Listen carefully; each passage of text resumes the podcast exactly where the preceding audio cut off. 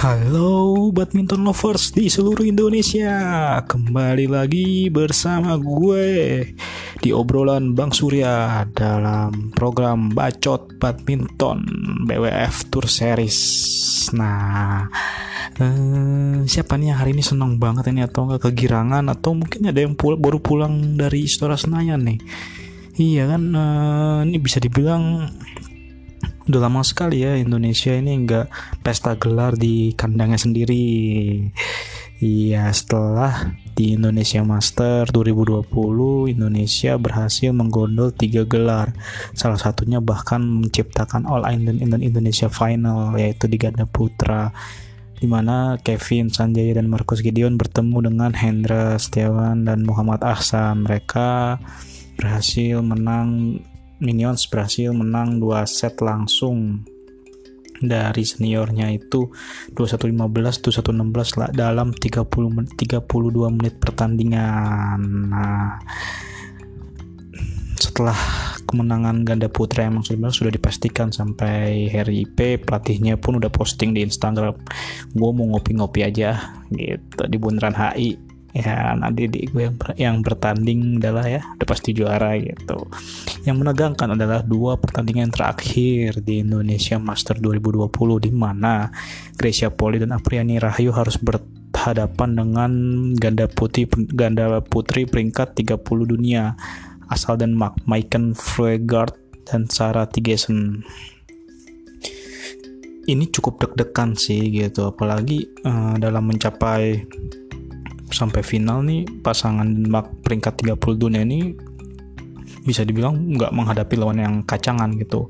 Bahkan di semifinal mereka menghadapi X ratu ganda putrinya Jepang yaitu Misaki Matsumoto dan Ayaka Takahashi gitu. Di situ pun uh, Misaki dan Ayaka kalah dua set langsung di mix zone si Misaki dan Ayaka mengaku memang lawannya ini uh, bermain cukup cepat dan tidak bisa diprediksi intinya uh, lawan ini si pemain Denmark ini lebih baik dibandingkan dengan mereka sehingga mereka harus kalah gitu kan. Nah ini menjadi deg-degan juga karena uh, melihat Gracia Apri pun selalu dikalahkan oleh Misaki dan Ayaka, tapi Misaki Ayaka kalah oleh pemain pasangan Denmark ini.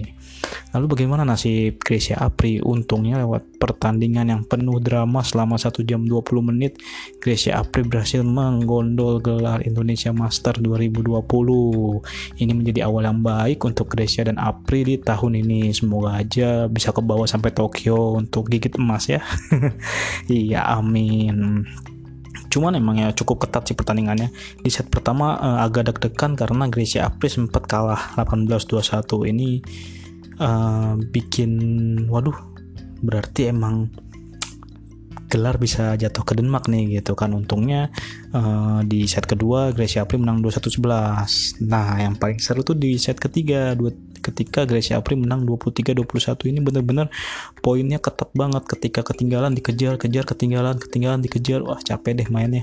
Salah sedikit aja ya berujung spread antara law margin poin antar lawannya ketinggalan jauh gitu. Dan permainan-permainan pukulan-pukulan net playingnya juga cepet banget sih. Menurut gue tuh luar biasa sih untungnya uh, Gracie Apri bisa tetap fokus dan bisa menang di pertandingan final tersebut Nah, yang ketiga datang dari uh, Anthony Ginting menghadapi si Istora Boy. Siapa tuh Istora, Istora Boy? Yaitu adalah tunggal Denmark, tunggal putra asal Denmark si Anders Antonsen kenapa dia dipanggilnya Istora Boy nah jadi di awal tahun lalu di Indonesia Master Anders Anton Antonsen ini bisa dibilang bukan siapa-siapa. Dia cuma pemain muda asal Denmark peringkat 18 dunia.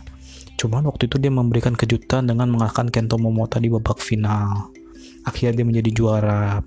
Nah, menariknya lagi saat itu si Antonsen ini sedang konflik lah intinya pemain bulu tangkis Denmark sedang konflik dengan federasinya. Jadi mereka bermain di Indonesia Master tanpa dukungan dari uh, federasi gitu. Bayar sendiri semuanya hotel bayar sendiri. Bahkan yang duduk mendampingi Antonsen tuh adalah Rasmussen dan Kim Astrup gitu. Iya mereka berdua mendampingi pas Kim Astrup dan Rasmussen yang main yang mendampingi si Antonsen gitu. ini yang menarik dan itu menanda. Tapi kemenangan uh, Antonsen di Indonesia Master ini bisa menjadi batu pijakan hingga dia bisa menuju peringkat tiga dunia saat ini gitu. Nah di luar Istora Senayan sebenarnya ke pencapaian Antonsen nggak terlalu begitu baik. Sampai akhirnya di Indonesia Open di bulan Juli 2019 Antonsen kembali mengejutkan bisa mencapai babak final seri 7 seri 1000 yang paling tinggi di BWF Tour Series.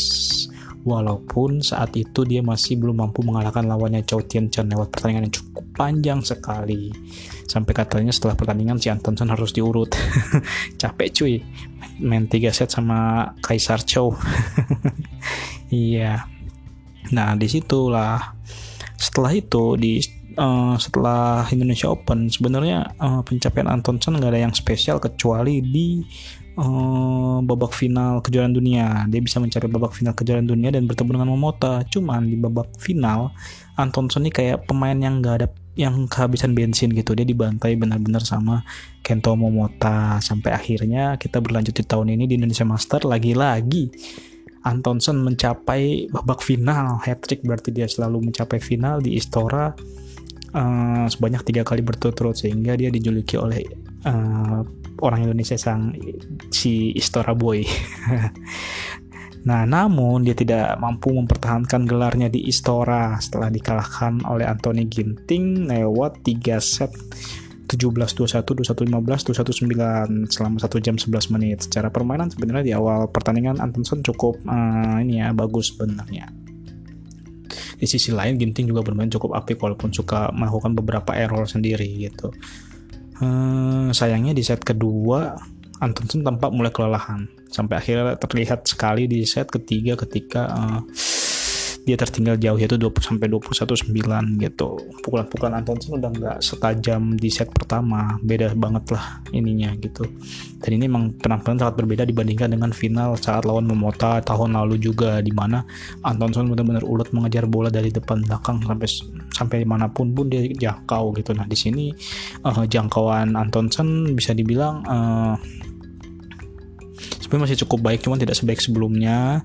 Dan uh, akurasi dalam melihat bola dan penempatan bola juga masih kacau. Ini juga juga nggak tahu sih karena pengaruh angin di Istora yang cukup kencang atau gimana karena Ginting juga beberapa kali melakukan error uh, penempatan bola. Gue sih curiga karena angin anginnya tuh ke arah samping gitu. Karena waktu pas hari Kamis gue ke sana gue ngeliat uh, bendera-bendera yang ada di atas arena itu agak belok agak ke samping jadi emang bola mungkin agak shuttlecock ketika dipukul agak nyamping juga kita nggak tahu juga memang emang banyak faktor non teknis ketika bermain di lapangan juga sih gitu ya Nah, lalu apa simpulan dari Indonesia Master kali ini? Setidaknya Indonesia bisa me menghapus luka lah di Malaysia Master di mana tanpa gelar di sana, bahkan tanpa pemain di babak final gitu. Alhamdulillah gitu. Setelah ini tuh simpulannya adalah ganda campuran Cina semakin kokoh. Jadi kalau misalnya di Indonesia ini sering banget ketemunya All Indonesia, All Indonesia Final di sektor ganda putra. Nah, kalau Cina ini menguasai di ganda campuran. Untuk tahun ini aja, Cina mencatatkan All China Final dua kali berturut-turut yang mempertemukan Zheng Xiwei Huang Yaqiong dengan Wang Yiliu Huang Dongping gitu. Di sini Zheng Xiwei Huang Yaqiong masih menjadi raja ganda campuran lah. Setelah mampu terus mengalahkan rekan senegaranya itu dua kali berturut-turut sepanjang tahun ini. Dan ini juga menjadi catatan sih buat Indonesia setelah Butet pensiun kita nggak punya Taji lagi di ganda campuran gitu. Preven Jordan dan Melati Deva masih cukup labil sih walaupun di akhir 2019 sempat juara di Tour Eropa di Prancis dan Denmark. Cuman sekarang kayak melempem lagi tiba-tiba kalah dari pemain yang peringkatnya jauh di bawah dia gitu. Hmm.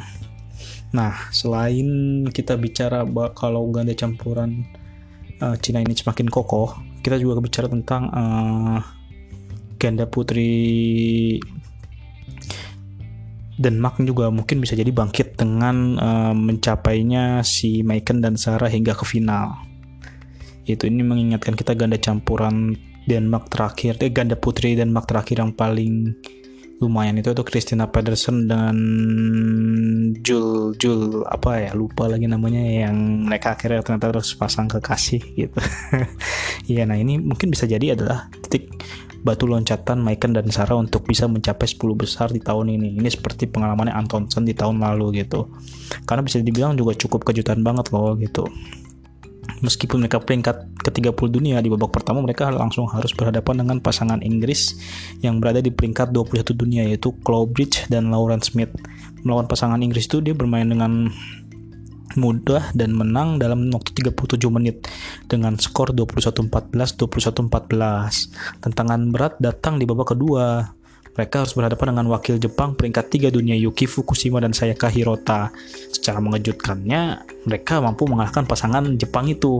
Lewat walaupun memang lewat rubber set sih. 18-21, 23-21, 21-10 selama 1 jam 11 menit. Di perempat final pun lawannya bukan lawan kacangan juga pasangan Denmark ini harus berhadapan dengan uh, salah satu andalan Thailand di ganda putri yaitu Putita Supajirakul dan Sapsire Rita Tanachai yang kini berada di peringkat 19 dunia. Mereka bisa menang dua set langsung dalam waktu yang agak lama 50 menit dengan skor 21-15, 22-20. Nah ini yang tadi gue sempat bahas di awal. Hmm, pasangan Denmark ini bertemu dengan lawan yang lebih berat lagi di semifinal yaitu Misaki Matsutomo dengan Ayaka Takahashi yang saat ini berada di peringkat 5 dunia. Hasilnya mereka bisa mengalahkan pasangan X1 ganda putri dunia bisa dibilang um, dalam waktu 57 menit dengan dua set langsung 22-20 22-20. Untungnya Gracia Apri bisa menahan lajunya si Sarah dan Sarah dan ini ya Sarah dan, dan pasangannya itulah ya untungnya gitu dan mungkin bisa menjadi catatan untuk agar pemain Indonesia pun akan berhati-hati dengan pemain dari Eropa yang mungkin bakal ada nama-nama lainnya yang muncul di babak di peringkat 10 besar. Nah, lalu apa catatan Indonesia setelah Indonesia Master ini? Catatan paling utama adalah ya kita sih udah tahu semua ya masalah tunggal putri Indonesia. Sampai saat ini uh, tunggal putri Indonesia bisa dibilang perkembangannya stagnan. Meskipun tahun lalu sudah menarik Rioni Mainaki dari Jepang ke Indonesia cuman hasilnya masih belum kelihatan gitu. Walaupun juga si Susi Susanti pernah ngomong sih emang agak sulit mencari tunggal putri yang tangguh. Artinya mungkin tiga tunggal putri andalan Indonesia saat ini yaitu Gregoria Mariska, Fitriani, dan Ruseli Hartawan tidak cukup mumpuni untuk dijadikan pemain papan atas dunia. Soalnya mereka nih selalu kandas di babak awal. Paling jauh tuh babak kedua gitu di Indonesia Master sendiri misalkan Gregoria ini harus kandas di babak pertama oleh uh, wakil Jepang Akane Yamaguchi lewat rubber set 21-12 15-21 22-22-24 kalau gue ngelihat dari tren yang mainnya Georgie sih dia tuh selalu bisa mengambil poin uh, dia selalu bisa ngambil set pertama. Cuman di set kedua dia kalah di set ketiga kalah lagi gitu. Itu juga terjadi ketika dia berhadapan dengan Racanok internal dan pemain-pemain besar lainnya seperti Tai Suing gitu. Nah ini menjadi catatan apakah emang Gregoria ini karakter pemain anget-anget tai ayam kayak Maria Febe atau gimana. Ini sangat gue ingat banget dulu Maria Febe tuh gaya mainnya adalah ya itu angkat-angkat tai ayam. Di set pertama dia bisa habis-habisan dan bisa mungkin spread kemenangan skor dengan lawan tuh agak jauh. Cuma di set kedua dan, dan ketiga dia tuh langsung loyo dan kalah. Ini menjadi catatan apakah ada masalah stamina atau masalah endurance atau mungkin masalah mental mental bertanding gitu. Ini yang harus jadi PR PBSI kemudian pe Selain itu, si Ruseli juga kalah langsung di babak pertama oleh pemain Kanada yang kini bertengger di peringkat 10 dunia yaitu Michelle dalam dua set langsung 14-21, 15-21. Michelle ini emang karakter mainnya bagus sih dan sangat cepat gitu. Di sisi lain kalau Ruseli pun ya standar-standar weh sih sebenarnya nggak jelek banget nggak bagus banget cuman ya dalam menghadapi pemain 10 besar dunia emang pastinya agak sulit gitu. Lalu Fitriani pun kalah dari Han Yue 2 set langsung 6-21 17-21. Fitriani sendiri yang tahun lalu awal tahun lalu sempat memberikan harapan ketika menjuarai Thailand Master tapi sekarang uh, sampai sekarang malah ya kalah terus setelah di babak pertama gitu belum bisa pecah telur minimal bisa ke perempat final deh udah alhamdulillah coba pengen lihat gitu kan. Ada ketika dia sampai ke perempat final berarti dia sudah mendapatkan banyak pengalaman bertanding dibandingkan cuman kali babak pertama gitu kan. Karena kalau yang gue lihat sih uh, pemain tunggal putri ini juga butuh pengalaman pengalaman bertanding menghadapi pemain-pemain papan atas. Itu yang kurang mungkin karena mereka selalu kali di babak pertama bahkan kalah dari pemain non unggulan ini yang menjadi catatan sih. Cuma Indonesia di tahun ini untuk tunggal putri memasukkan wonderkid bernama Putri Kusuma Wardani di tim utama. Nah, kita lihat apakah Putri Kusuma Wardani ini bisa berbicara lebih saat ini si Putri sih berada di peringkat ke 275 dunia sehingga memang agak sulit untuk masuk turnamen level tinggi seperti level 500, 750 sampai 1000 itu agak sulit. Mungkin dia bisa main di level 100 sampai 300 lah paling banter gitu.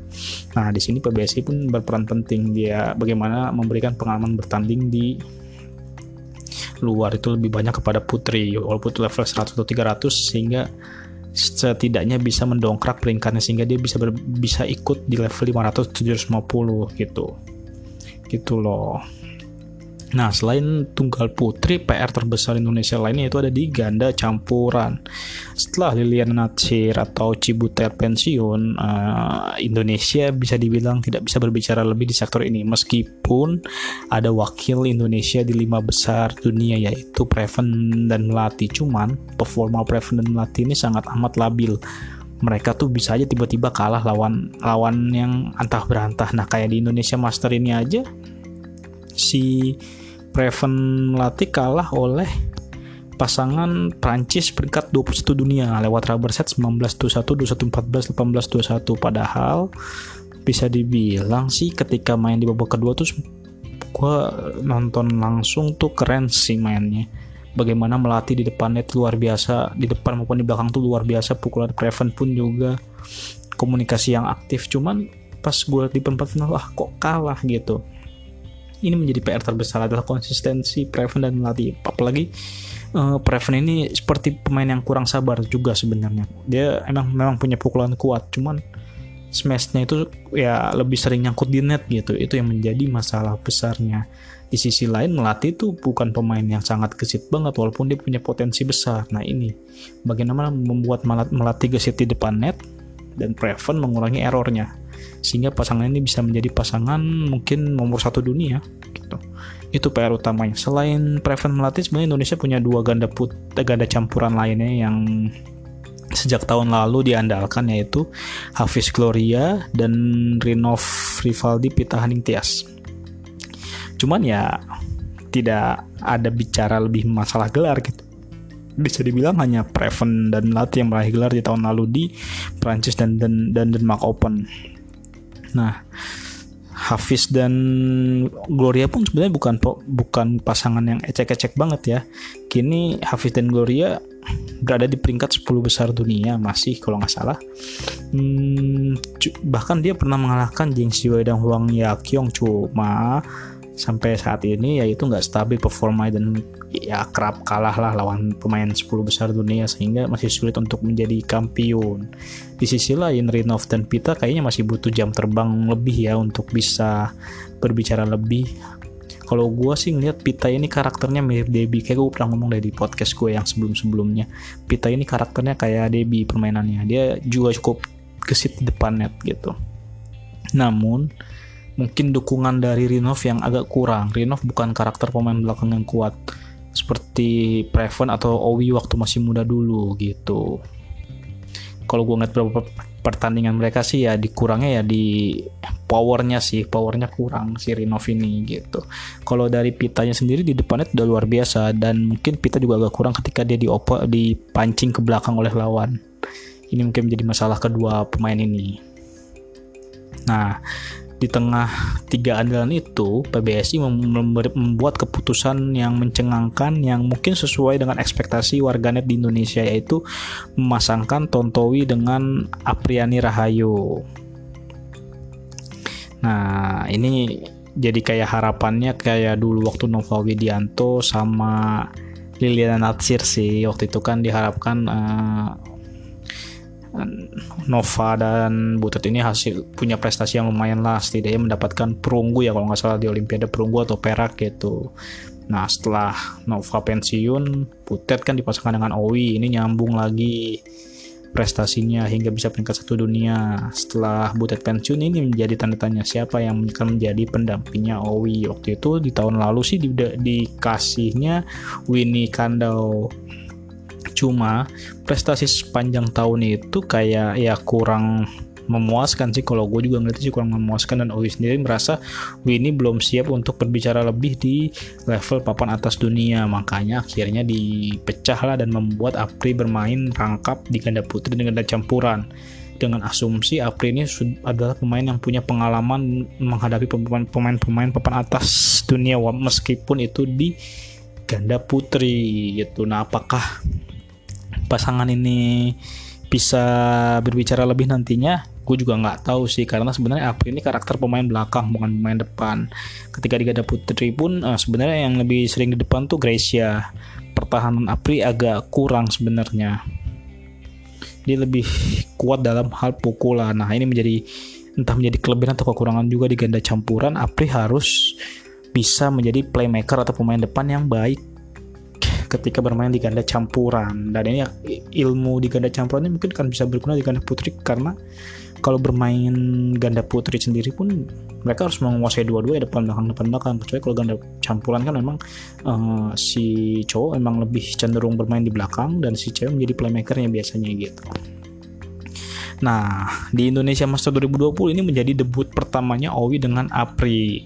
Awalnya sih mereka nggak bisa masuk daftar tunggu ya. Mereka belum masuk kualifikasi mereka masuk daftar tunggu karena Apri nggak punya pengalaman bermain di ganda campuran sehingga tidak ada peringkat yang bisa dikombin dengan Owi itu untungnya ada pemain yang absen sehingga Apri dan Owi bisa masuk ke eh, babak kualifikasi dan mereka bisa lolos ke babak utama. Di babak utama pun lawan yang dihadapi pertama kali bisa dibilang cukup berat yaitu unggulan ketujuh asal Korea Selatan, Seo Seung Jae dan Chai Yu Jung. Untungnya nggak tahu nggak tahu untungnya atau enggak sih karena jadi nggak ada pengalaman bertanding juga. Si Seo Seung Jae dan Chai Yu Jung ini harus retired di skor ketika Owi Apri unggul 6-1 gitu. Gue nggak terlalu ngah juga ke dia retirednya kenapa gitu. Cuman dari situ Owi dan Apri akhirnya lolos ke babak kedua Indonesia Master Nah, di babak kedua, mereka bertemu dengan pasangan suami istri asal Inggris yaitu Chris Adcock dan Gabriel Adcock. Nah, di sini Owi Api ternyata belum bisa berbicara lebih di Indonesia Master 2020 alias debut turnamennya. Mereka kalah dari pasangan Inggris itu 9-21, 12-21. Ini pun bisa menjadi pelajaran penting karena kalau kita lihat kan uh, Chris dan Gabriel ini berpasangan sudah sejak lama sekali sehingga mereka sudah mungkin kompak sedangkan uh, Owi Apri baru dipasangkan uh, sekarang. Jadi kalaupun kalah ya gue masih mewajarkan nah, cuman kita kita harus melihat ke depannya bagaimana pasangan ini bisa bersaing di papan atas nantinya gitu. Apakah bisa menjadi combine uh, peringkat satu dunia lagi seperti zaman Nova dan Butet lalu Butet dengan Owi akhirnya Owi dengan Apri atau gimana? Memang permasalahan adalah Owi ini bukan sosok leader sih. Beda sama pemain ada pemain Korea yang di Indonesia Master tuh yang pemain senior. Gue agak lupa bentar gue searching dulu ya.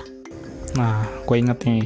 Jadi yang pemain Korea yang senior itu adalah Ko Sung Hyun yang dipasangkan dengan Eom Hyewon. Kini Kwon Soo itu sudah berumur 32 tahun. Bisa dibilang dia pemain senior lah di di mana di Korea dan dia dipasangkan dengan Eom Hyewon ya itu bisa dibilang juga pemain muda sih harusnya ya cuman gue perlu uh, cek lagi Pemain ini bermain di Indonesia Master sejak babak kualifikasi seperti Owi dengan Apri karena memang peringkatnya pun belum terlalu tinggi juga sehingga harus bermain lewat kualifikasi.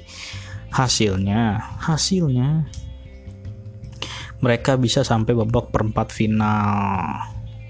Memang lawannya pun bukan lawan-lawan papan atas juga sih cuman di sini Ko Suhyun benar berperan sebagai leader kayak mengarahkan pemain uh, putrinya ini untuk bergerak apa yang kurang dia memberikan masukan-masukan tanpa memberikan tekanan gitu. Nah, di sini sebenarnya Owi harus seperti itu juga bagaimana dia yang punya pengalaman lebih di ganda campuran harus hmm, mengarahkan Apri agar bisa sesuai dengan uh, keinginannya sehingga uh, menjadi pasangan yang kompak. Apakah di sini ada peran? Oi di sini? Nah, gue sih ngeliatnya kenapa Winnie waktu itu gagal pun karena memang mungkin uh, leader leadershipnya Oi yang kurang sih itu dalam mengarahkan. Karena sebenarnya Winnie pun adalah salah satu pemain putri potensial katanya.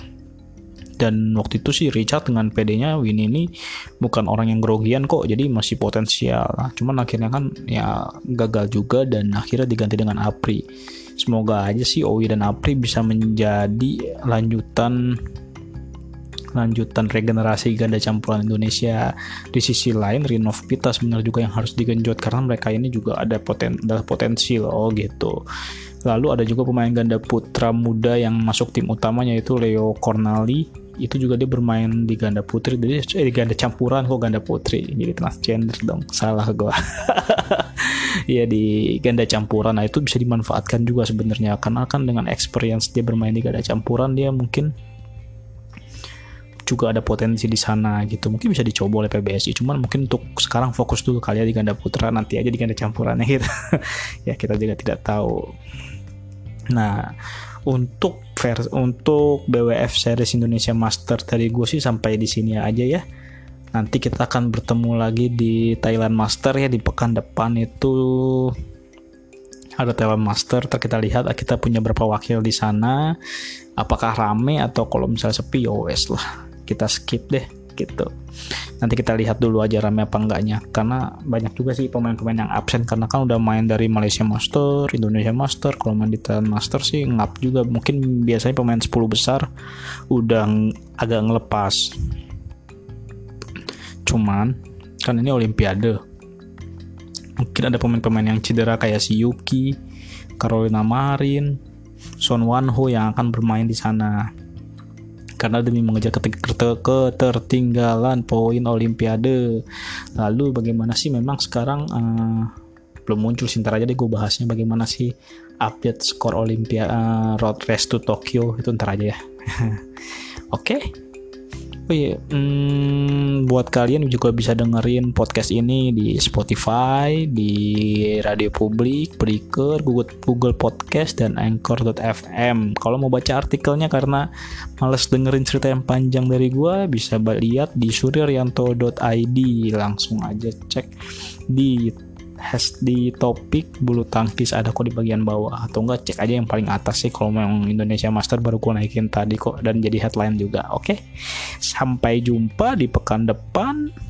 Semoga Indonesia terus bisa mendapatkan gelar dan bisa gigit emas di Olimpiade Tokyo dan bisa juara juga di Piala Thomas dan Uber tahun ini. Semoga amin. Sampai di sini dulu. Bye bye